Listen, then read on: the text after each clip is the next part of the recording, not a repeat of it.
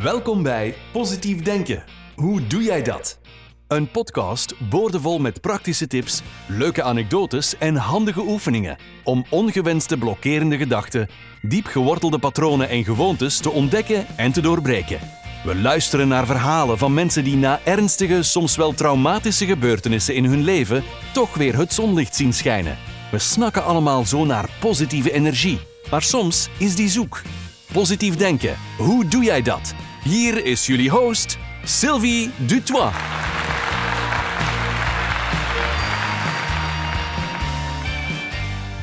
Hallo, hallo lieve luisteraars. De paasvakantie is voorbij, de kids gaan weer naar school en ik vlieg er weer in. In onze vorige aflevering hadden we het erover dat zelfliefde heel belangrijk is om van anderen te houden, positiever in het leven te staan en vooral om in je eigen kracht te kunnen staan. Maar door die negatieve overtuigingen die we hebben over onszelf, welke vaak zeer belemmerend zijn en zelfdestructief, is het heel moeilijk en moet je heel hard werken om te komen tot een punt dat je echt kunt zeggen dat je van jezelf houdt. Kijk, de kwaliteit van je leven is de kwaliteit van de constante gedachte met gekoppelde emotie die jij voelt. Ik ga het nog eens herhalen. De kwaliteit van jouw leven is gelijk aan de kwaliteit van de constante gedachte met de gekoppelde emotie die jij voelt. Dus als je het afbreekt, betekent het gewoon hoe jij denkt en hoe jij voelt, is hoe jij door het leven gaat. Wat zijn je emoties op constante basis? Wat is je dominante emotie? Ben je gelukkig? Ben je verdrietig? Ben je bezorgd? Of ben je bang? Of wat is je dominante gedachte? Denk je dat je geboren bent uh, om een pechvogel te zijn? Denk je dat je geen succes verdient? Of denk je dat jouw lichaam zwak is en je alt, omdat je altijd ziek bent? Dus laat me nog een keer vragen: wie ben je echt? Het is belangrijk om te begrijpen hoe krachtig je gedachten zijn. Je kan je leven in enkele ogenblikken veranderen door één simpel ding te doen. Verander de gedachten die je denkt en de woorden die je uitspreekt. Je interne dialoog heeft een enorm effect op elk aspect van je leven.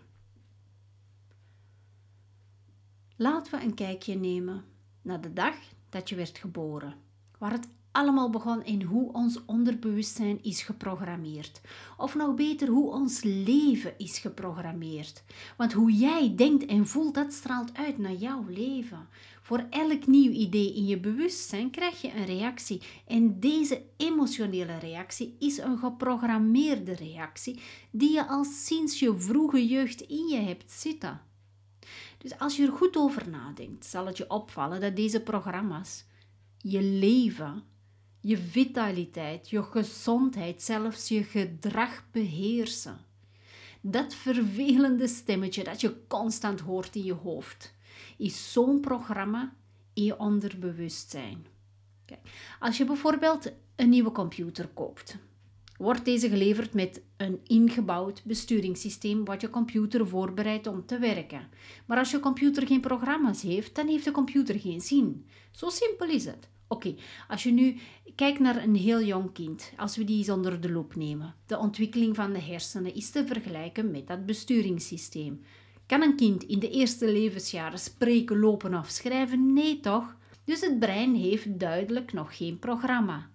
Dat is de reden waarom de natuur de eerste zeven jaar van ons leven heeft gecreëerd om dat gedrag, gedachten en gevoelens zogenaamd te downloaden door mensen om ons heen te observeren en te kopiëren.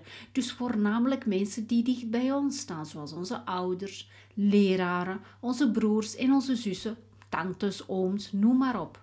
En op deze manier leert en kopieert een kind alles wat nodig is om deel te kunnen uitmaken van het gezin, maar ook van de maatschappij. Maar wat als de omgeving waarin dat kind leeft niet gezond is? maar vol negativiteit. Een alcoholische ouder of ouders die je nooit eens bewonderen om die prachtige tekening, je knutselwerkje of zelfs je 7 op 10 voor wiskunde.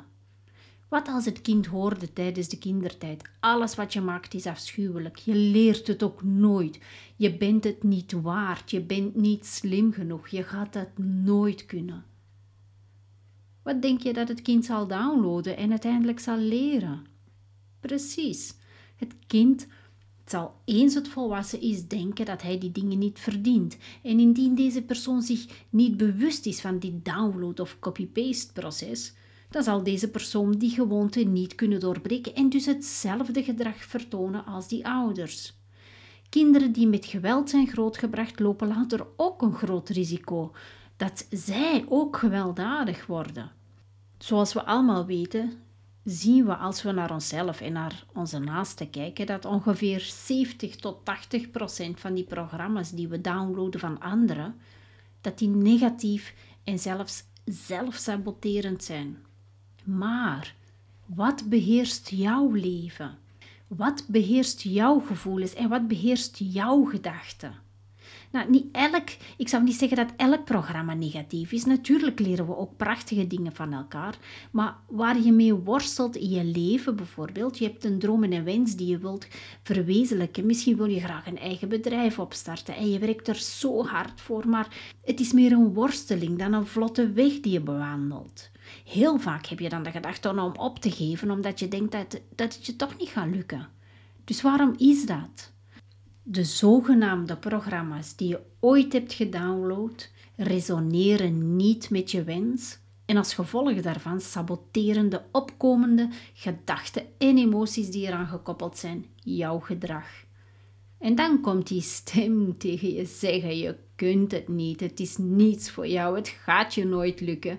Wie gaat er nu business willen doen met jou? Je, idee is stom, er, er is nog nooit iets gelukt, dus Geef het op, waarom zou het nu, nu kunnen lukken? Vergeet het maar. Ik weet zeker dat je een moment hebt gehad waar die stem jou ook zoiets soortgelijk zei. Wat gebeurde er dan?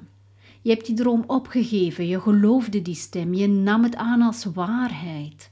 Je onderbewustzijn is een gewoontebeestje. En om nog eens dat voorbeeld aan te halen van dat bedrijf dat je graag wilt opstarten, de ideeën die in je opkomen en het willen beginnen met dit nieuws, dat gebeurt in je bewustzijn. Maar dan komt die vervelende stem in je hoofd zeggen dat, je het, nooit dat je nooit gaat lukken, omdat je de capaciteiten niet bezit, of voor welke reden dan ook.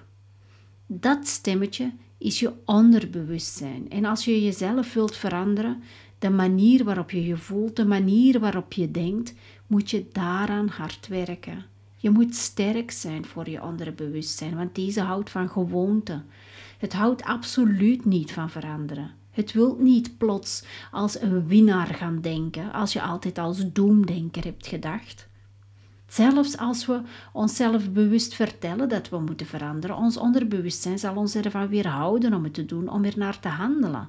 De eerste en meest belangrijke stap om te veranderen is om deze gedachten te herkennen en toe te geven dat je ze hebt.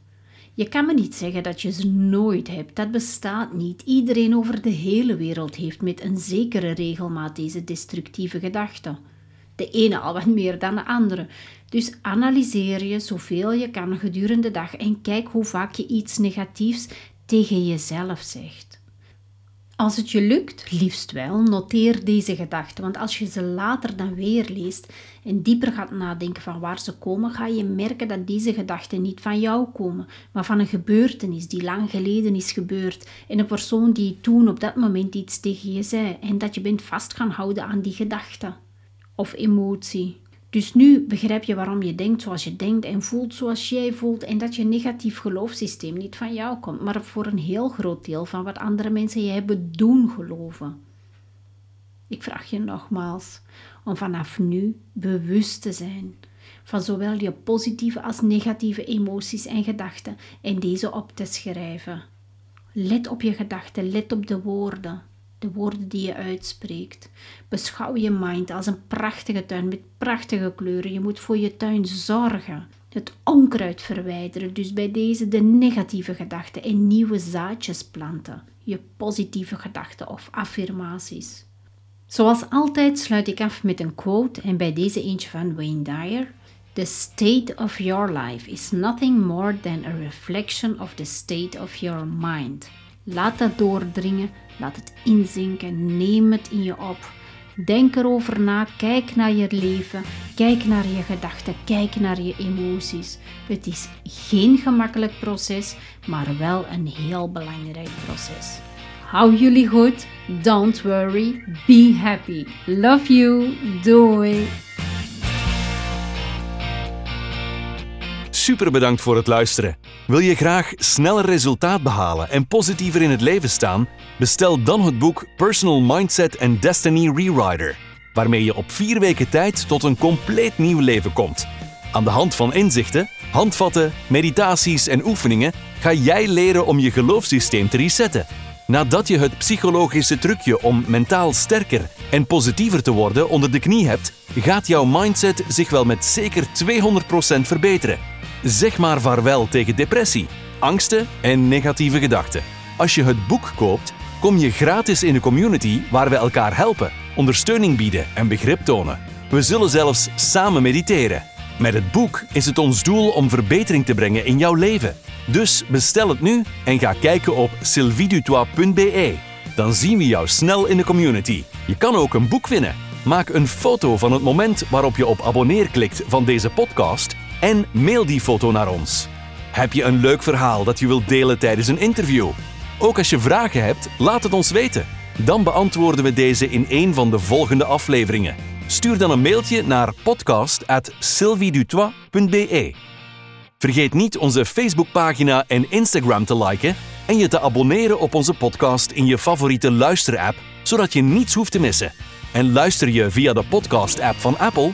Laat dan ook een review achter. Zo help je de podcast nog meer onder de aandacht te brengen. Heb een fijne en liefdevolle dag. En positief denken. Hoe doe jij dat? Laat het ons weten. Tot de volgende keer. Dag.